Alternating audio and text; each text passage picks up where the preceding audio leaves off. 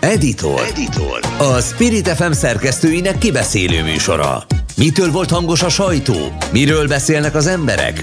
Mi foglalkoztatja az újságírókat? A mikrofonnál a Spirit FM belpolitikai főszerkesztője, Vogyarák Anikó. Köszöntöm Önöket a szerkesztő Somodi Solymos Eszter nevében, és Sarkadi és Csabát az Alfa Hír főszerkesztőjét köszöntjük ma vendégként. Jó napot kívánok, és köszöntelek én is titeket. Hazafi Zsolt, beszélgető partnerem, állandó partnerem, aki ma is itt van velem, köszönöm, az Egyenes Beszéd főszerkesztője. Szép jó napot mindenkinek! És nagyon nagy szeretettel várjuk majd Somos Andrást is, aki az ATV és a Spirit FM műsorvezetője. No, kezdjünk is bele, hiszen Orbán Viktor mai interjút adott a Kossuth Rádióban újra, és hát sok mindenről beszélt, no mi mindenről, például inflációról, válságról, sőt az orosz-ukrán háborúról is volt egy egészen, hát nem tudom, fogalmazhatok-e így szürális hasonlata. Igen, és ez a hasonlat nem is új dolog volt, mert Berlinben lőtt el először, Ugye most az történik előttünk, hogy Orbán Viktor valahogy újra akarja pozícionálni akár hazánkat is, akár az ő szerepét is ebben az orosz-ukrán háborúban, és valahogy össze akarja hozni az 1956-os forradalmat és a 2022-es orosz-ukrán háborúval. Ennek pedig az egyik ilyen fontos momentum vagy mozzanata, hogy Zelenszkit be akarja állítani az akkori, és ezt most fontos, hogy így mondom, az akkori magyar miniszterelnöknek, akinek nem mondta ki egyszer se a nevét, hogy megpróbálja ezzel azt sugalni, hogy Magyarország is ugyanolyan áldozata volt ö, Oroszországnak, mint most ugye Ukrajna. Érdekes, ez hova akar ezzel majd kifutni a miniszterelnök. Azt se hiszem, hogy lehet, hogy még az is igaz, hogy ez csak ő improvizált a Berlinben, de az a lényeg, hogy úgy próbálja a Zelenszkit is behozni ebbe a magyar történelembe, hogy a farag belőle egy mártírt. Viszont, hogyha Putyin hogyha Zelenszky ugye az akkori magyar miniszterelnök Nagy Imre, akinek nem mondta ki egyszer a nevét, pedig úgy beszélt róla, akkor az is lehet, hogy a mostani Putyin pedig a kor Ruscsova. Tehát ilyen érdekes, érdekes dolgok lehetnek ebből, hogyha Orbán Viktornak igaza lesz ebből a történelmi párhuzamból, de nem tudjuk amúgy, hogy tehát semmilyen köze nincs az 56-os forradalmunknak, nyilván a 2022-es orosz-ukrán háborúnak, háborúhoz. Nem tudom amúgy, hogy mit akar ebből kihozni, hogy kit akar áldozatként bemutatni, de, de szerintem nem, nem szép, nem szép ez a párhuzam. Főleg így, hogy nem mondta ki egyszer Nagy Imre nevét. És ráadásul ugye egy olyan ö, dolgot mond, hogy a, annak idején az 56-os forradalmárok ö, ö, valójában a béketárgyalást akarták elérni a Szovjetunióval, és ezért a béke tárgyalás az egyetlen megoldás Ukrajna és Oroszország között is, ami hát nem teljesen ugyanaz. Tehát egy független országot támadott meg 2022-ben Oroszország, amelynek szabadon választott, demokratikusan választott miniszterelnöke Zelenszky, és az 56-os helyzet az teljesen, teljesen más volt, tehát hogy nem annyira lehet párhuzamot vonni az 56-os hőseink és a mostani ukrán hősök között, akik ugye az országokat védik. Nekem ami még nagyon meglepő volt, hogy ha jól emlékezek, és szerintem ebben jól emlékezem, hogy amikor április harmadikán a választás éjszakáján Orbán Viktor elmondta, hogy hogy győzött, akkor egyebek mellett volt a Soros Gyuri bácsi, de odaszólt Zelenszkinek is, nem kvázi kicsit a választás Úgy, mintha ő, ő is az ő, ő, ő ellenség, a politikai ellen, ellenfele lett volna.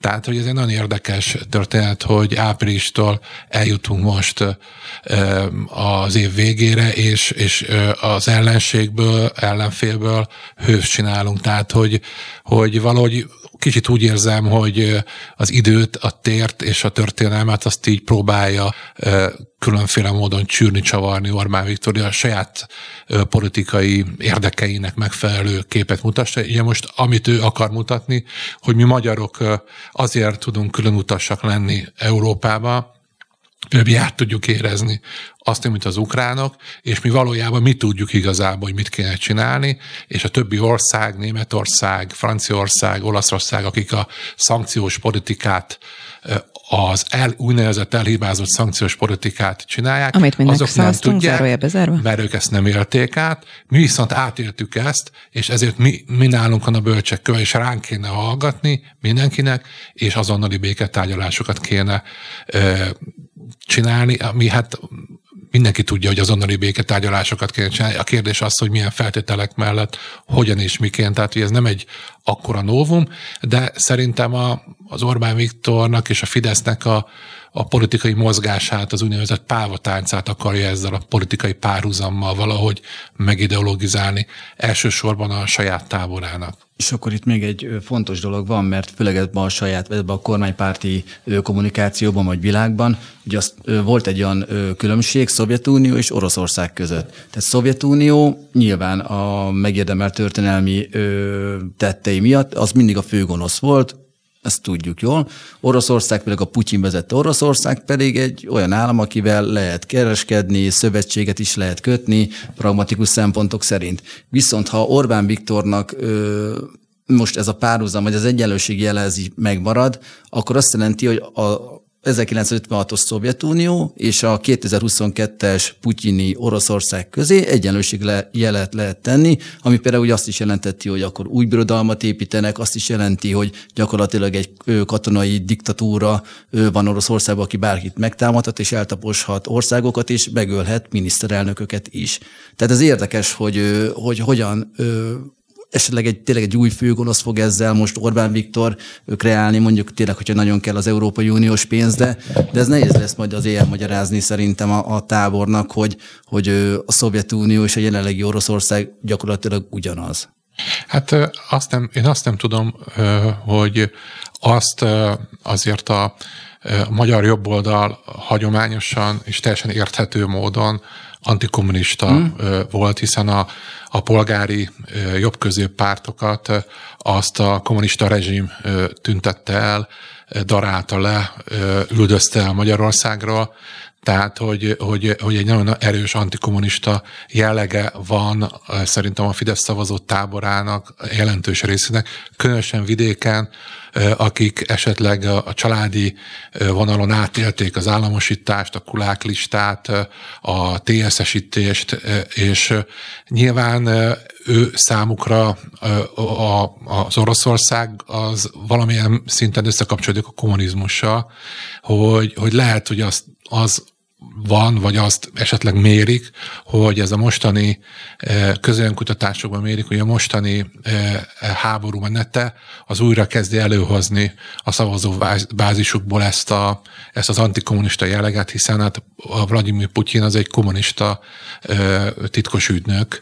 és gyakorlatilag amennyire én jól értelmezem, hogy ő azért visszanyúl a Szovjetunió ideológiai dolgaihoz Igen, ezt is. ő nem is titkolja, tehát náluk ö, Oroszországon belül megvan ez a kommunikáció, vissza kell állítani ugye a szovjet birodalmat valamilyen formában. Tehát hogy, meg hogy esetleg az lehet, hmm. hogy, hogy, hogy érzékelhetik, hogy a táborban azzal, hogy az oroszok elzárják a gázt, azért egyértelműen a gazdasági válságnak egy jelentős része a háború miatt van, hogy esetleg a saját táborukba kezd az antikommunista attitűd újra előjönni, és erre esetleg próbálhat reagálni, de ez csak egy ilyen tipp az én részemről. Nem tudom, nem tudom, hogy milyen folyamatok zajlanak a Fidesz táborában, csak esetleg erre próbált reagálni Orbán Viktor. Igen, csak ekközben ugye Szijjártó Péter pedig kint van éppen orosz oligarchákkal, energetikai oligarchákkal, üzletemberekkel, ahogy jobban tetszik tárgyalni Moszkvában, tehát ez a kettő egyszerre zajlik továbbra Igen, is. azt tehát... szerintem meg tudják magyarázni, mert ott azt, azt már régebb, régebb óta mondja a, a külpolitikában a Fidesz, hogy ők nem érték alapú mm. politikát akarnak, hanem érdek alapút, mm. és nagyon régóta be van vezetve Magyarországon, hogy valójában a világpolitika az csak érdekek mentén van, Egyesült Államoktól kezdve Németországig, Kínától kezdve Franciaországig csak az érdekeik mozgatják őket, és erre mindig vannak érvanyagok, hogy különféle harmadik világbeli országokba hogy avatkozott be az egyik oldal, a másik oldal, az olajért, a gázért, stb. És azt szerintem, el, el, azt, azt szerintem beveszi a tábor, hogy, hogy ahhoz, hogy ne fagyjunk meg télen, ahhoz kell az oroszoktól gázt szerezni, viszont azt, hogy ezzel esetleg az van, hogy ezzel, ezzel esetleg ez egy ilyen érdek, érdek alapú, de egy érték alapú azonosulás viszont lehet, hogy, hogy nagyon nem szeretnek, vagy nagyon antipatikus most már a tábor antikommunista hagyományokkal rendelkező tömegei között. Ez az én feltételezésem. Orbán Viktor másról is beszélt, például az inflációról, és idéznék egy mondatot. Orbán Viktor utasította a pénzügyminisztert és a Magyar Nemzeti Bankot, hogy az inflációt a jövő év végére legalább felezzék meg. Egy kérdésem van, miért most? Tehát, hogyha ez ezen múlik, hogy Orbán Viktor utasít valakit arra, hogy akkor mostantól felezzük meg, jó, jó, akkor miért nem feleztük meg akkor, amikor még csak nem tudom, 12 os volt? De az is lehet, hogy a forintnak is szólhatna, vagy a... Ó, tényleg, most az, az eurónak. azért, mert most már 420 forint alá benézett. A... Tényleg? Mindjárt hmm. meg is nézem, hogy most éppen mennyi. 416 mert, volt, amikor legutóbb néztem igen, az hogy... euró. Igen, az MNB-nek ugye voltak bejelentései. Hát ö, szerintem ez az, ami hogyha most fontossági vagy komolysági sorrendet kellene feltenni, felállítani. 420, igen.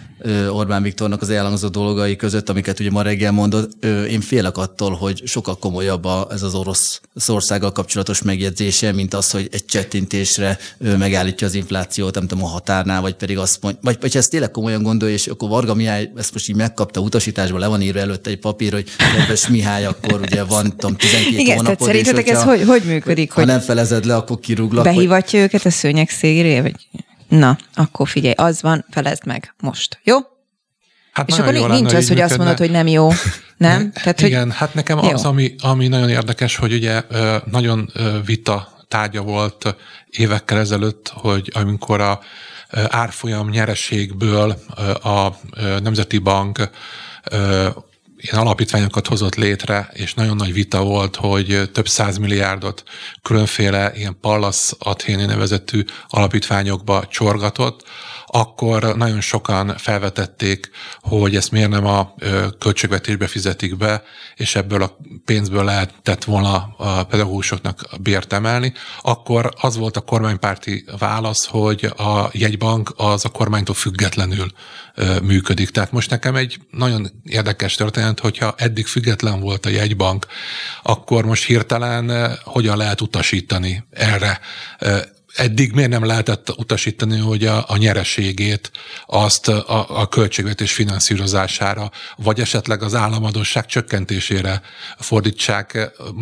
Tehát, hogy, hogy ez, egy, ez, ez egyik kérdés. A másik az, hogy azért szerintem ez egy kicsit vicces, hogy, hogy ez csak egy elhatározás kérdése, mint hogyha, mint hogyha ez pont avval megy szembe, hogy gyakorlatilag azt súlykolja a kormányzati kommunikáció, hogy valójában minden rossz gazdasági folyamatért most a háborús infláció felel, és az elhibázott szankciók, tehát ez.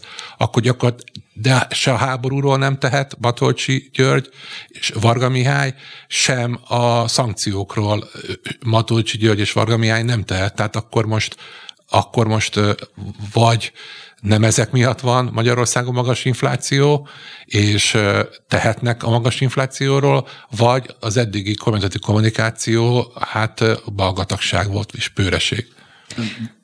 Mondja csak. Hát igazából én is annyit akartam ezt megerősíteni, hogy ö, van abban is ö, igazság, hogy nem biztos, hogy csak a ö, kormánypolitika tehet róla, viszont az is egészen biztos szerintem, hogy ö, eszköztelenek is. Tehát ebbe benne van tényleg a háború, benne van az európai gazdasági helyzet, benne van az, hogy ez most egy globális krízis, a másik pedig, hogy olyan ö, keretek közé szorították a magyar gazdaságot, és pont ugye egy csomó esetben az is éltette a magyar gazdaságot, hogy gyenge a forint, hogy ö, ö, ugye nyilván elengedték ezeket az inflációs ö, kereteket is, hogy így hozzanak be akár multikat, így teremtsenek olcsó munkaerőt, így adjanak adókedvezményeket.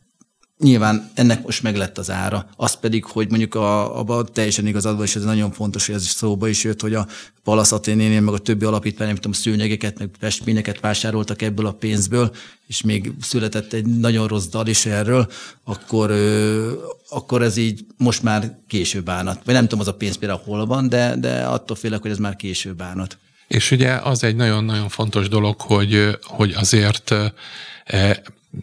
az elmúlt években inkább azt lehetett látni, hogy a, monetáris és a fiskális politika az összecsúszott, most ez így próbálom lefordítani magyarra, Köszön. hogy a jegybanknál levő az a monetáris politika, és a, a fiskális politika az a költségvetéssel való gazdaságpolitika.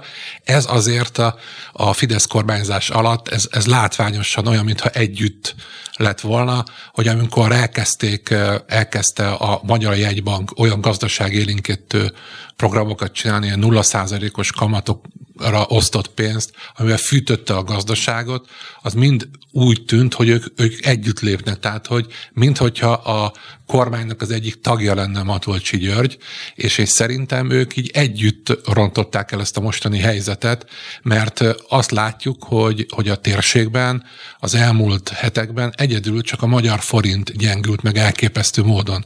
Tehát a lengyel zlotyi, a ö, cseh korona, vagy a román lej, az, az nem értékelődött le úgy, amennyire a magyar fizetőeszköz leértékelődött, és amennyire én megértettem a gazdasági szakértőknek a, az előadásaiból és diagnózisából, hogy ez gyakorlatilag annak köszönhető, hogy mind a monetáris politika, tehát mind a jegybank, mind a a fiskális politika, mind a költségvetési politika az az elmúlt időszakban elhibázott volt. Tehát az történt, hogy a jegybank az, az nem készült fel arra, hogy jöhet valamikor egy válság, és ezért alacsony a magyar jegybanki tartalék, az úgynevezett devizatartalék. Körülbelül ugyanakkor a ország Magyarország, mint Csehország. Magyarországnak 30-35 milliárd euró a devizatartaléka, Csehországnak 170 milliárd euró volt, tehát többszöröse. Lengyelország az háromszor, kicsivel több, mint háromszor nagyobb ország, mint Magyarország, annak is 170 milliárd euró volt. Tehát ők, nekik nagyon-nagyon sok pénzük van arra, hogy a devizatartalékból, ha esetleg gyengül a zlotyi vagy a korona, akkor a vásárlásokkal, ilyen közgazdasági kereslet kínálat elvet kihasználva megakadályozzák, hogy gyengüljön a, a, a fizetőeszköz. Nekünk töredék ö, ö, jegybanki devizatartalékunk van. A másik, hogy, hogy a választások miatt kiköltekezett Magyarországon a költségvetés, egy választási költségvetés volt, választási büdzsé volt, tehát hogy sem a monetáris politika, sem a fiskális politika nem rendelkezik akkora lőfegyverekkel, akkor a pus, annyi puskaporra, hogy ezt a mostani folyamatot fékezni tudják. Most ugye történt egy rendkívüli esemény, ez a mai nap egy rendkívüli sajtótájékoztatón a jegybank alelnöke mondta el, hogy a deviza tartalék terhére adnak pénzt az államnak, hogy, hogy vegyen energiát. Ugye ez hajtotta fel a forintot, de nekünk elég, elég kicsi jegybanki tartalékunk van a többi országhoz képest. Tehát, hogy szerintem ezt kölcsönösen szúrták el mind a jegybank, mind a kormány, hát kölcsönösen kell rendbehozniuk. Egy nagyon nagy kérdés, hogy ez tényleg egy csendítésre működik-e. Ha most egy fél éven belül esetleg véget ér a háború, akkor el tudom képzelni, hogy megúszuk, de ugye senki nem tudja, hogy mit hoz a jövő. Ezt szerintem ők se tudják. Egyébként csak egy mondat, hogy a, azért egy valaki mindig ö, szét szokta választani a monetáris és a fiskális politikát, mert hogyha a kormányinfon megkérdezi valaki az inflációról, vagy bármidről, Gulyás Gergelytől mindig elmondja, hogy a kormánynak ez semmi köze ez a jegybank. Amúgy a ö, jogrendben így is van, tehát hogy ez a, a törvényeket, a magyar törvényeket figyelembe veszük, akkor ez figyelembe szokták venni. az alaptörvényben ez áll, tehát hogy de facto, vagy de jure, bocsánat, de jure így van, a de facto az meg hát nekem inkább az a tippem, hogy azért a Matolcsi György az részese a mostani nemzeti együttműködés rendszerének. És hát azt is bejelentette Orbán Viktor, hogy ugye a nemzeti konzultációs íveket elkezdik kiküldeni, és ez egyben meg is jelent ugye több fórumon, például a Facebookon és ugye Magyarország kormánya alatt elolvasható ez a kérdőív. Megpróbálnám nem lebuktatni magam, hogy az eddigi nemzeti konzultációs éveket milyen számban és tartalomban töltöttem ki, de inkább akkor úgy fogalmazok, hogy nem emlékszem rá, hogy az eddigieknél is volt egy ilyen kis elmagyarázó ablak előtte, hogy így tudjam, hogy hova kell húzni az X-et, ott nem csak sima kérdések voltak, mert hogy ez most ugye úgy néz ki, hogyha valamelyik hallgató nem tudná, hogy aranyosan föl van téve egy kérdés, de előtte ott van a téma, hogy mit Brüsszel olajszankciók bevezetéséről döntött, és akkor ott van egy ilyen öt mondatba, hogy... Így volt, így volt a korábbi. Így volt a korábbi, és akkor csak nem emlékszem rá, hogy... Mert nem hogy töltötted ezek... ki, lát, ki se nyitottad a borítékot. Hoppá, Hát hoppá. szerintem mindenki szíve joga szerint döntsön, hogy mit tölt ki, és mit nem. Ak- akkor Beval, vállalom, jó? Az coming, nem töltöttem ki az eddigi nemzeti Próbáltam konzultációban. segíteni, hogy esetleg akkor volt a gyermek szülés, Köszönöm. és mással Köszönöm. más Így, volt a nem volt erre, nem volt erre időm. Ö, Szóval engem, engem ezért meglepett, amikor most készültem a beszélgetésre, és elolvastam, hogy azért így nagyon ö, kellemes érzés, hogy elmagyarázzák azt, hogy egyébként hogyan kell utána húznom az X-et. Igazából az az érdekes, hogy csak hét darab kérdés van. Tehát korábban több, többek voltak ezek. Mert lehet, hogy így olcsóbb, nem meg két oldal. Nem vagyok benne biztos, hogy, ez volt a Hogy cél? pont ez volt a cél. Tehát, szerintem azért, amennyire én emlékszem ezekre, tényleg az elolvasod ezeket, akkor hát a, ha a logikusan csak egyfajta módon lehet szavazni, de ez olyan, mintha megkérdezném, hogy akarna ön ha ma egy millió, egy millió forintot, vagy egy milliárd forintot a számláján látni, és arra költheti, amire akarja, nyilván csak egy válasz lenne, hogy igen, tehát hogy ki az, aki nemmel szavaz, tehát hogy ezek olyan kérdések, amelyek egyértelműek. Szerintem ez arra alkalmas, hogy azt súlykolja, vagy azt sugalja azoknak az embereknek, akik elolvassák, hogy a mostani nagyon-nagyon nehéz, kritikus gazdasági helyzetért nulla százalékba felel a jelenlegi Ez kormányunk. Nyilván, de ezt vitatja bárki. Én, én például vitatom ezt. Én Háborús szankció van, tényleg, mit tehet arról a 12 tehet. éve regnáló kormányzatunk, hogy mi van a gazdasággal, vagy mi van a tanárokkal, és akkor Szerintem tényleg a következő fél órát, tudom. Viszont a tanárok helyett a bevándorlókat be tudták szuszakolni, mert a heteres, Na, hetes kérdés, Istennek. illetve hát, hogy majd látják majd a kedves hallgatók is, hogy ö, tényleg nem kérdésekkel kezdődnek ezek a, meg, ö, ezek a pontok, hanem megállapításokkal, és a hetes a szankciók növelik az élelmiszer árakat, és újabb bevándorlási hullámhoz vezethetnek. Ez egy megállapítás. Aztán van egy kék alapon fehér betűkkel. Ahol nem... elmagyarázzák, hogy Igen, igen, de az ön kisbetű, hogy én most nem látom, és utána jön a kérdés, hogy ön egyetért az élelmiszer árak áremelkedését okozó hát. szankciókkal, ez igenis nem. De előtte például a turizmusról van szó, tehát eleve már a téma megjelölés, a szankciós politika a turizmus sem kíméli. Egyetért a turizmus korlátozásával járó szankciókkal? Igen, nem, hát ki ez a hülye, aki véletlenül mellé húzná, hát vagy ugye az van, hogy azért tényleg sok, sok helyen hiányoznak a nagyon nagyvonalúan fizető orosz turisták, tehát azért... Például Hévizen. Igen, ott egy templom no, is egy volna. Nagyon rövid szünet után innen folytatjuk. Editor. Editor. A Spirit FM szerkesztőinek kibeszélő műsora. Mitől volt hangos a sajtó? Miről beszélnek az emberek? Mi foglalkoztatja az újságírókat? A mikrofonnál a Spirit FM belpolitikai főszerkesztője, Vogyarák Anikó. A szerkesztő még mindig Somodi Solymos Eszter, és továbbra is beszélgetünk Hazafi Zsoltal, az Egyenes Beszéd főszerkesztőjével, és Sarkadi és Csabával, az Alfa Hír főszerkesztőjével.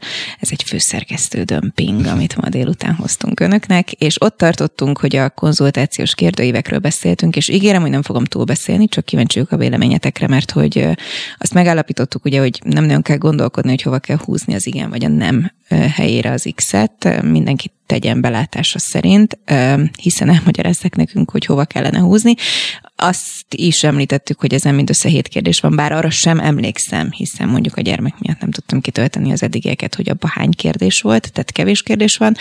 Viszont sokak szerint, hogy van, aki azt mondja, hogy igazából ez a mostani kérdőív azon túl, hogy majd lobogtatjuk, mert nyilván az is beszédtéma lehet, de szerintem szót sem érdemel, hogy mi értelme van egy ilyen nemzeti konzultációs kérdőívnek, de hogy az lehet egyébként még pluszban a haszna a kormánypárt részéről, hogy kvázi egy ilyen közvéleménykutatás is egyben, felmérik ezzel azt, hogy hányan küldik vissza, többen vagy kevesebben, mint az eddigieket, ki mit rajzol rá esetleg, ahelyett, hogy mondjuk kitölteni, melyik megyékből küldik többen, kevesen vissza, kevesebben vissza, tehát egy ilyen kvázi, egy ilyen Fidesz, minek hívják ezt, nem kedveltségi Közvéleménykutatás. Hát a közvéleménykutatás, de hogy így a népszerűségi, népszerűs, igen, hogy népszerűséget is tudnak rajta mérni, hogy egyébként a pártnak az utolsó nemzeti konzultáció óta mennyit esett, vagy nőtt a népszerűsége, mit gondoltak? Hát meg mozgósítani is lehet, plusz tematizálni ugye a közvéleményt, hiszen a ellenzék ezekre a kérdésekre fog majd reagálni, mindenki szépen végig fog menni, hogy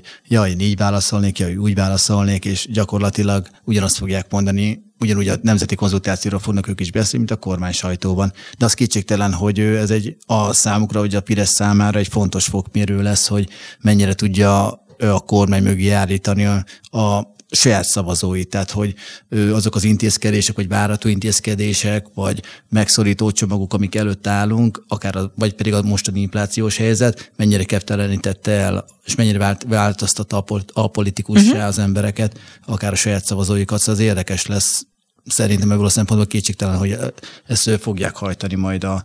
Már várom a plakátokat, nem? Ti látjátok a, az egyik oldalon a hétszer nem, a másik oldalon meg húzzá hét igent. De amúgy ez, ez, ez szerintem, bocs, csak hogy szabadba vágtam, vagy megelőztelek, amúgy ez, ez, ez hiba lenne. Tehát, hogyha ha megint a, és ez, amit ugye mondtál, ez gyakorlatilag az Orbán Viktor kottájából játszásnak az alap, ö, alaptézise, hogy hogyha mi, ők mondják azt, hogy hét igen, akkor mi azt mondjuk, hogy hét nem, mert akkor ugyanott tartunk. Tehát azért jó lenne, hogyha nem, nem ezeket a kérdéseket vennék végig, és akkor nem ezeket ugrálnának ők is, hanem akkor már tényleg itt tartunk, akkor foglalkoznak a pedagógusokkal. Ami Mindjárt nem csak mi is a, foglalkozunk vele, igen. Nem csak a konzultációban nem szerepel, de Orbán Viktor sem beszélt róla az interjújában. Hát mert miről lenne szó? Ugye a, a Fidesznek egy sajátos története az, hogy ők, akik a rendszerváltáskor a legfiatalabbként léptek bele a politikai mezőbe, és professzionálisan megtanulták a politikai kommunikációt, hmm. és ami persze nem egy györdöktől való dolog, tehát nem, ez minden ez, pártnak ott volt igen, a lehetőség. Igen, igen, igen. Ez, és uh, ugye én azt figyeltem meg, és uh, amikor parlamenti tudósító voltam, nagyon sokat beszélgettem akkor fideszes politikusokkal, akik elmondták, hogy Orbán Viktor abba hisz, vagy úgy gondolja a kommunikációt, hogy az ő pályájukon játszanak mindig. Tehát, hogy ő ö, fekteti le azokat a témákat, amelyekről beszéljenek, amit említette Csaba, hogy a tematizálás az nagyon-nagyon fontos, és hogy szerintem ez az egész nemzeti konzultáció is arra van, hogy ők nagyon jól látják azt, hogy, hogy maga a médiaipar,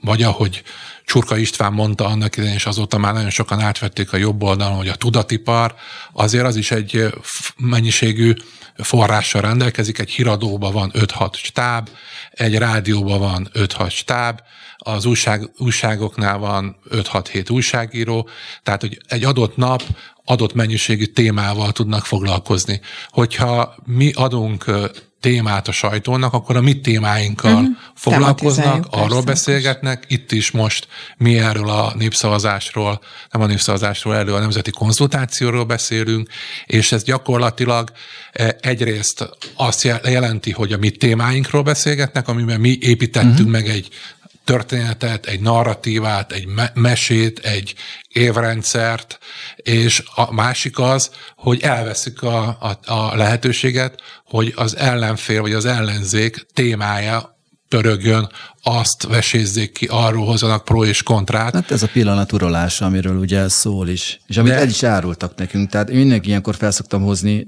G. Fodornak a mesterművét az Orbán szabályról, ami ezeket teljesen jól leérte. Tehát ezt mindenki elolvasná, akár minden ellenzéki politikus vagy think tank, akkor, akkor talán jobban megérthetné, hogy hogyan tud működőképessé válni egy rendszer, ami, ami ennyire jól tudja, hogy elég neki az a 3 millió vagy 2,8 millió ember, ha az megvan, azt el tudja vinni, akkor tök jó. És, és még igazából segíti is őt az, hogyha az ellenfelé meg őt gyűlölik, mert hogyha érzelmek alapján döntenek, érzelmek alapján kommunikálnak, akkor viszont nem tudnak sajnos tényleg józan döntéseket hozni, egészen másról fog most szólni a kommunikáció.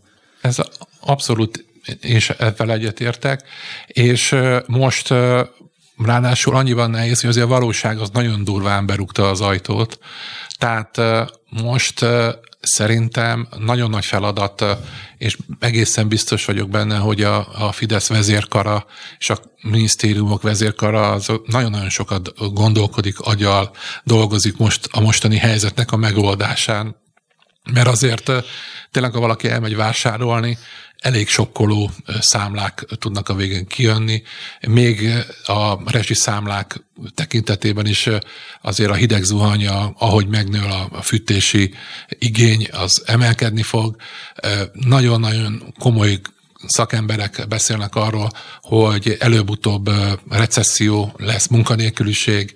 Talán itt a te műsorodban az aktuálban mondta egy HRS munka közvetítése foglalkozó igazgató, hogy 300 ezer, legalább 300 mhm. ezer munkanélküli. Most már Orbán Viktor is lehet, lehet ő is pedzegette. Három helyett Tehát azért most, most nagyon-nagyon nagyon nagy kihívás előtt áll a kormány, és hát szerintem szükségük van, hogy olyan témák is legyenek, amelyek, amelyek azért az ő narratívájukat, az ő kormányzó képességüket, az ő érvrendszerüket próbálja alátámasztani.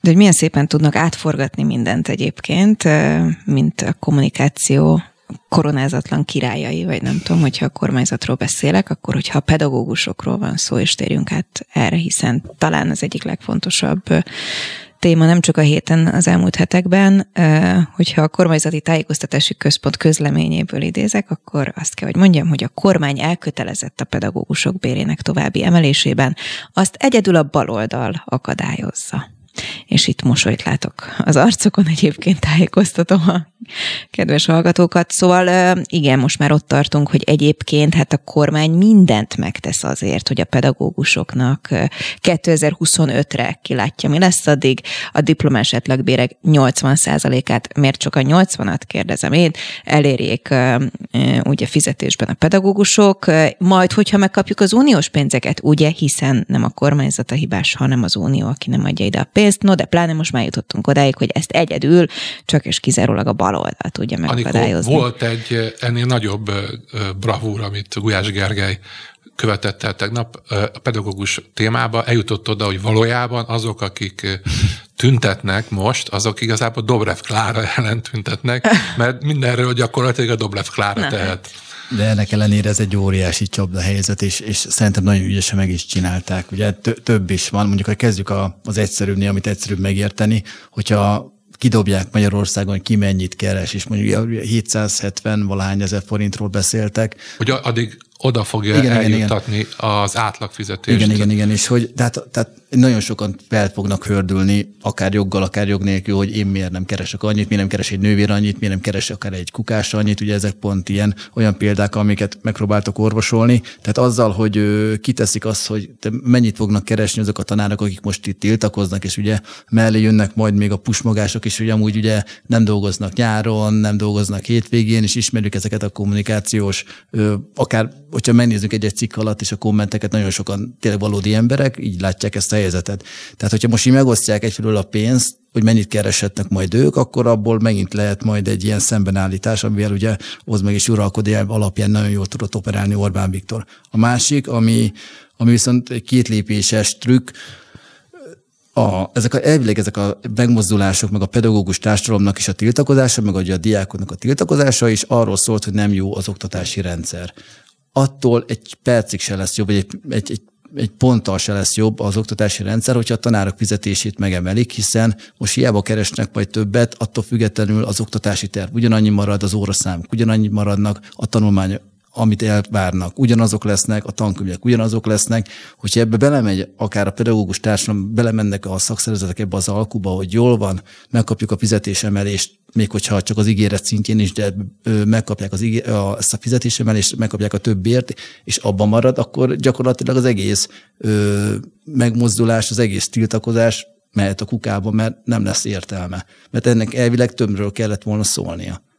Én nem teljesen értek veled egyet, részben egyet értek veled, de azért olyan gyalázatos a pedagógusoknak a bére, Ebben igazad van. Tehát... hogy igazából a, én azzal az állásponttal értek egyet, mint a Magyar Tudományos Akadémiának a közoktatásra kapcsolatos bizottsága adott ki, hogy a fizetés rendezése az nem csak azért fontos, hogy most eh, legalább emberhez méltó fizetést kapjanak azok az emberek, akik az oktatási rendszerben vannak, hanem a jövő tekintetében is, mert ugye az egy nagyon súlyos probléma, Nincsen hogy, hogy, hogy nem lépnek be hmm? pedagógusok, nem, nem, nem mennek el tanulni eh, tehetséges eh, fiatalok pedagógusi pályára, és ha el is végzik, nem lépnek be, tehát, hogy nagyon nagy baj lesz ez így. Tehát, hogy egy tartós ö, olyan életpályamodellt kell adni a fiatal pedagógusoknak, hogy milyen érdemes egy, egyáltalán elkezdeni a, amúgy nagyon szép, nagyon nemes és nagyon fontos oktatói pályát. Tehát, hogy szerintem azért a fizetés az, az, az, azért az, hogy ne omoljon még jobban össze most a rendszer, még ha csak azon történik változás, avval is előrébb van, meg szerintem motiváló hatása is van, mert én azt látom sok pedagóguson, hogy, hogy nagyon, nagyon demolarizálja őket, frusztrálja őket, elkeftelenti mm. őket, hogy mintha a magyar társadalom nem becsülné meg az ő munkájukat, és azt szerintem egy rossz kedvű ember, egy frusztrált ember, az nem tud olyan motiváltal, olyan inspiráltan, olyan lelkesen tanítani. Én azt ezt a részt, amit Kövér László mondott, én nem teljesen értem, hogy csak hivatástudat elég a hivatástudat. Hát nem, hogy igazából a pénz az egy mellékes történet, fontos, de hogy a hivatástudatnak kell e, mennie, mert szerintem nem lehet így szét, szétszálazni. Tehát egy ember, akinek Magyarországon egy családot el kell tartania, gyermekei vannak, e, e, ki kell fizetni a, a rezsit, az, ha ne, nincs e, olyan fizetés, amiből, amiből emberhez méltó szinten tud élni, az, azt nem tudom elképzelni, hogy, hogy, hogy inspiráltan, lelkesen, motiváltan uh, tud tanítani. Hát egy szörnyű szóviccel vagy szóképpel élve a hivatástudattal operálnak az egészségügyben is, tehát ezt ott is elvárták, a, akár a nővérektől, akár az orvosoktól, de még mondjuk a, a szakápolóktól még most is, hiszen ö, bo, az képes, hogy mondjuk milyen emelések voltak az orvosok esetében, hogy ezt nem követte az ápolókét, csak mielőtt tovább lépjünk azt azért, tehát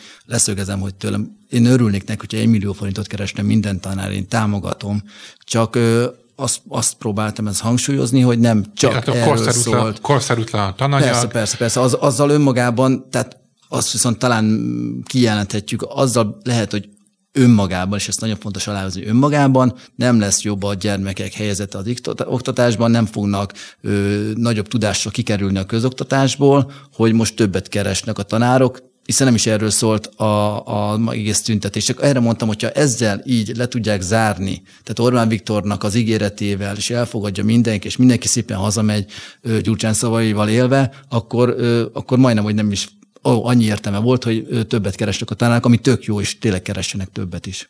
E, igen, hát ugye a előbb idézett általam, vagy hivatkozott Magyar Tudományos Akadémia illetékes bizottsága az leírja azt is, hogy olyan dolgokat kell csinálni a tanároknak, amihez nem kell felsőfokú végzettség, tehát olyan felesleges adminisztrációt, az iskolai körülmények azok olyanok, olyan technikai elmaradottság van, hogy a, ma már a mostani korban a gyerekeket nem lehet lekötni olyan eszközökkel, amit évszázadokkal ezelőtt le lehetett, tehát hogy azért ez, ebben teljes mértékben igazad van.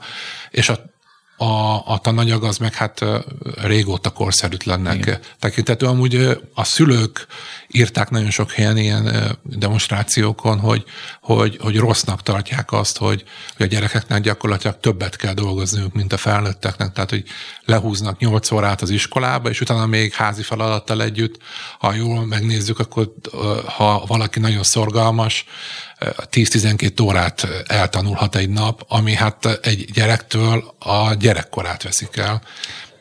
Ez egy nagyon nagy, nagyon nagy kérdés, hogy, hogy, hogy akar, akar ezen a dolgon a politika változtatni, mert azért ezt a, ezt a rendszert, ezt az oktatási rendszert, ami több évtizedes balanszokat hordoz maga után, azért nem könnyű megreformálni. Nem könnyű olyan politikai, egy politikusnak egy olyan reformot végrehajtani, amiből azt tudja ö, ö, levonni, hogy akkor majd négy év múlva rászavaznak. Tehát, hogy igazából én azért látom azt, hogy minthogyha nem annyira akarnának a politikusok annyira oktatáspolitikával Azért van, mert nem bízol Pintér Sándor tudásában. No, mielőtt tovább ugranánk, és Csaba elmondaná, hogy ezen a héten egyébként mivel foglalkozott kiemelten az alfaír.hu-n, azért ehhez még egy zárójeles mondatot hozzátennék, hiszen a PDS most egy felhívást tett közzé, hogy jogsértő, hogyha valaki rendkívüli szünetet rendel el, mert hogy azt tapasztalja, hogy sztrájk van, kevés a gyerek, és akkor úgy oldják meg kreatívan a tankerületi vezetők, hogy egy ilyen rendkívüli szünetet rendelnek el, amit nem lehet állítólag, úgyhogy a PDS azt kéri, hogyha valaki ilyet tapasztal, akkor az jelezzen náluk, mert hogy ez törvénysértő szerintük. No, és akkor ugorjunk oda, hogy Csaba mi, mi mindennel foglalkozott kiemelten a héten. Szerintem az egyik legfontosabb téma, és visszautalva egy kicsit a kormányinfóra, hogy mit tervez a Fidesz, illetve mit tervez a kormány a Nemzetbiztonsági Bizottsággal, és rajta keresztül az ellenzékkel. Mert akár is nézzük, főleg aki kicsit követi Márkizai Péter megszólalásait, egy óriási kecsegő bomba alatt, vagy egy óriási atombomba felett ücsörög a, az ellenzék, főleg a parlamenti ellenzék, ugyanis Gulyás Gergely szerint, aki a kormányinfon elárult egy nemzet valószínűleg minősített adatot, elkezdődött egy titkosszolgálati vizsgálat az ellenzéki pártok ellen. Ezt ugye senki nem erősítette meg, és ha erről született is volna döntés, az zárt ajtók mögött a bizottságnak az ülésén született volna, tehát erről nem is kéne tudnia, meg tud róla, akkor nem kellett volna elmondania. Tegyük zárójelbe, hogy ezt egy ellenzéki képviselő adta volna, vagy mondta volna el, akkor már valószínűleg rég ö, vezető száron vinnék el. Mindenesetre azt jelenti ez, hogy Gulyás Gergely megállapította, hogy az ellenzéki pártok törvényt sértettek, mégpedig azért, mert kaptak Amerikából pénzeket, támogatásokat, Márkizaj Péter mozgalmán keresztül, amire ugye semmilyen bizonyíték nincs, senki nem állította, és hogyha valaki figyelte a parlamenti felsz... Egyedül a Márkizaj Péter. Ő sem mondta azt, hát igen, de ezt így nem mondta el, hogy ő adott volna, tehát uh-huh. mondta, hogy költhettek erre meg arra, sőt Márkizaj Péter már azt is állítja, talán a hitelességét egy kicsit akkor ő, csökkentve, hogy ő, ők fizették a katás tüntetéseket, meg ő, ők fizették a, a diákok tüntetését is szeptember másodikán, tehát azért talán ennyi mindent nem fizetett. Mindenesetre akármit is mond a miniszterelnök jelölt, a volt miniszterelnök jelölt. Fűres Balázs államtitkár például arról beszélt a parlamentben egy ö, fideszes kérdésre válaszolva, hogy az ÁSZ, az állami számvevőszék, ami szintén egy független ö, intézmény, kormánytól független intézmény, ha már beszéltünk a jegybankról, annak szintén vizsgálatot kell, vizsgálatot fog indítani az ellenzéki pártokkal szemben. Így a Nemzetbiztonsági Bizottság, a titkosszolgálatok és az állami számvevőszéket ugrasztaná rá, vagy úszítaná rá az ellenzéki pártokra a, a Fidesz, illetve az Orbán kormány, ami, ami tényleg egy szörnyű jövő lehet.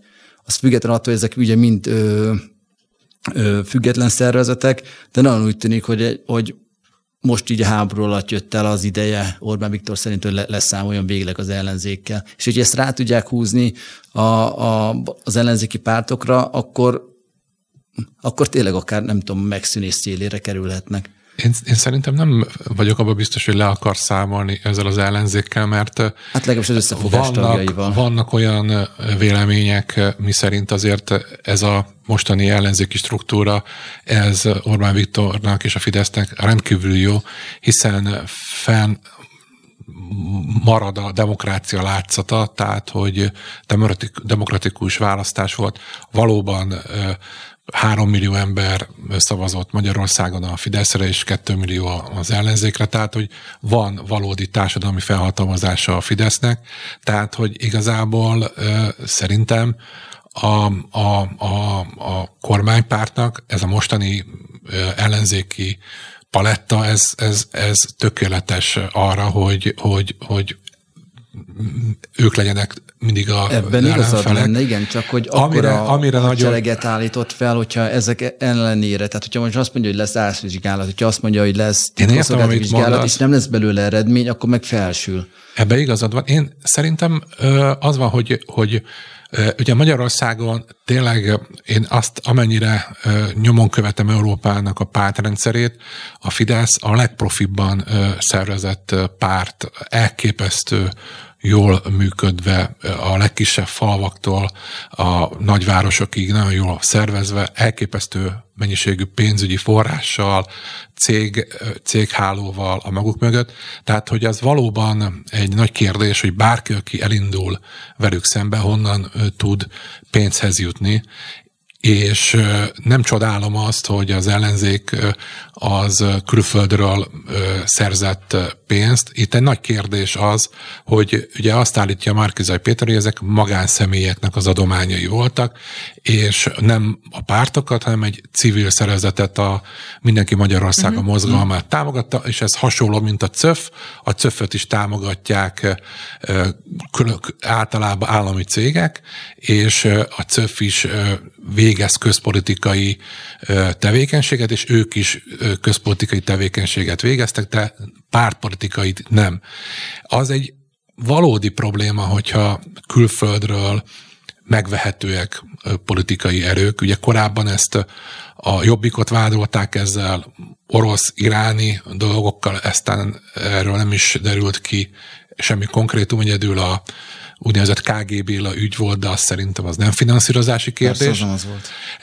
De hogy ez egy valódi, valódi probléma, hogyha külföldről be lehet avatkozni a magyar belpolitikába, de ugye nem tudjuk ezt. Én azt mondanám, hogy ez, a, hogy ez most ez, ez tényleg magánszemélyek pénze volt, vagy amennyire sugalmazza a kormánypárti sajtó, annak különféle szintjei, mert kormánypárti értelmiségiek, és annak különféle szintjei, eljuthatunk egészen odáig, hogy a kvázi a CIA finanszírozta hát a, vagy, tudjuk, a, vagy a, a demokraták, bocsánat, mm, a demokraták De ezt ellenzéki sajtóban is megjelent, hogy nyilván az demokrata kör mögö, áll ezek mögött a Akik ugye a, az mögött. európai konzervatívokat akarják legyőzni, mm. akinek egy hőse Orbán Viktor, ezt most én félraknám, szerintem azért is jó ez a tematika, amiről beszéltünk, hogy addig sem a rezsi problémákról, addig sem az inflációról, addig sem a esetleg munkanélküliségről, elszáró élelmiszerárakról van szó, hanem a ö, népszavazás, illetve a nemzeti konzultációról, illetve az, hogy az ellenzéket kül- külföldről finanszírozhatják, amivel viszont meg lehet magyarázni nagyon sok dolgot a Fidesz szavazóknak.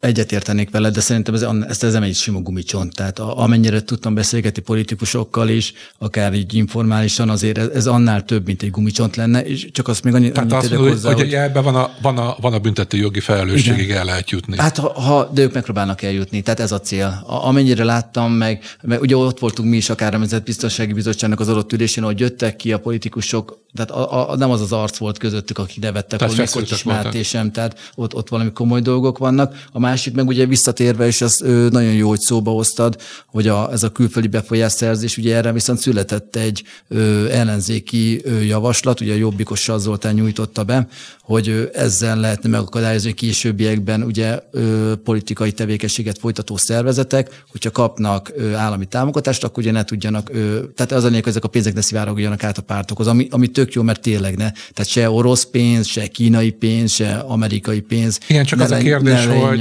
hogy azért a Fidesz elképesztő pénzügyi erőfölényben van, például a CÖF, nagyon-nagyon komoly támogatásokat kap ez a békemenetet szervező civil szervezet. De az nem lenne például tiltva. Te, például elvileg ez a törvény, nem törvénymódosítás, amit ugye ö, benyújtottak, és amit tök érdekes lesz, hogy például a Fidesz erre hogy fog reagálni, mert ugye ha úgy tetszik, megelőzték őket, ha úgy tetszik, csapdahelyzet elé állították, ha erre azt mondják, hogy nem, nem támogatják, akkor lehet azt mondani az ellenzék részéről, hogy íme, tényleg ti csak a szátok jár, nem akartok változtatást, nem akarjátok, hogy tiszta legyen a választás. A másik azért azt tegyük hozzá, ugye a CÖF esetében is ugye az a, az, a, az a vicc benne, hogy ők nem a Fidesz támogatják, hanem csak ők indítanak egy kampányt. Tehát az elvileg nem fogja senki, tehát egy, egy választásokkal kapcsolatos kampány, vagy bármilyen kampány. Tehát elvileg az nem, nem, fogja, nem lesz tiltása alatt, hogyha egy szervezet kap külföldről támogatást, mondjuk bármilyen témában tájékoztató kampányokat indítson. Mint ahogy elvileg a MMM is azt mondta, hogy ők csak tájékoztató kampányokat indítanak, akkor lesz kellemetlen, ha kiderül, hogy ebből a pénzből máshova is jutott.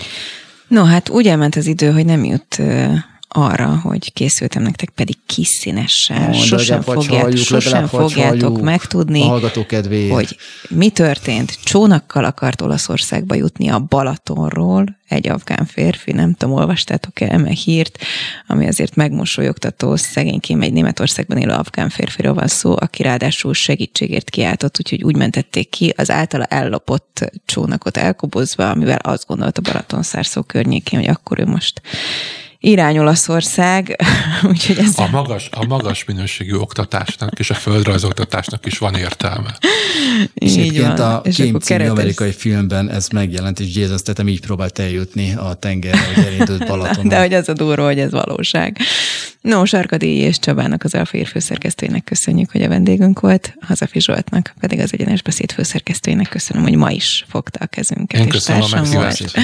Legyen nagyon szép hétvégéjük, illetve hát este hétkor várom önöket az Ostrom című műsorban. Itt leszünk Tarjányi Péterrel. Köszönöm a figyelmüket, a szerkesztő Somot és Solymos Eszter nevében is.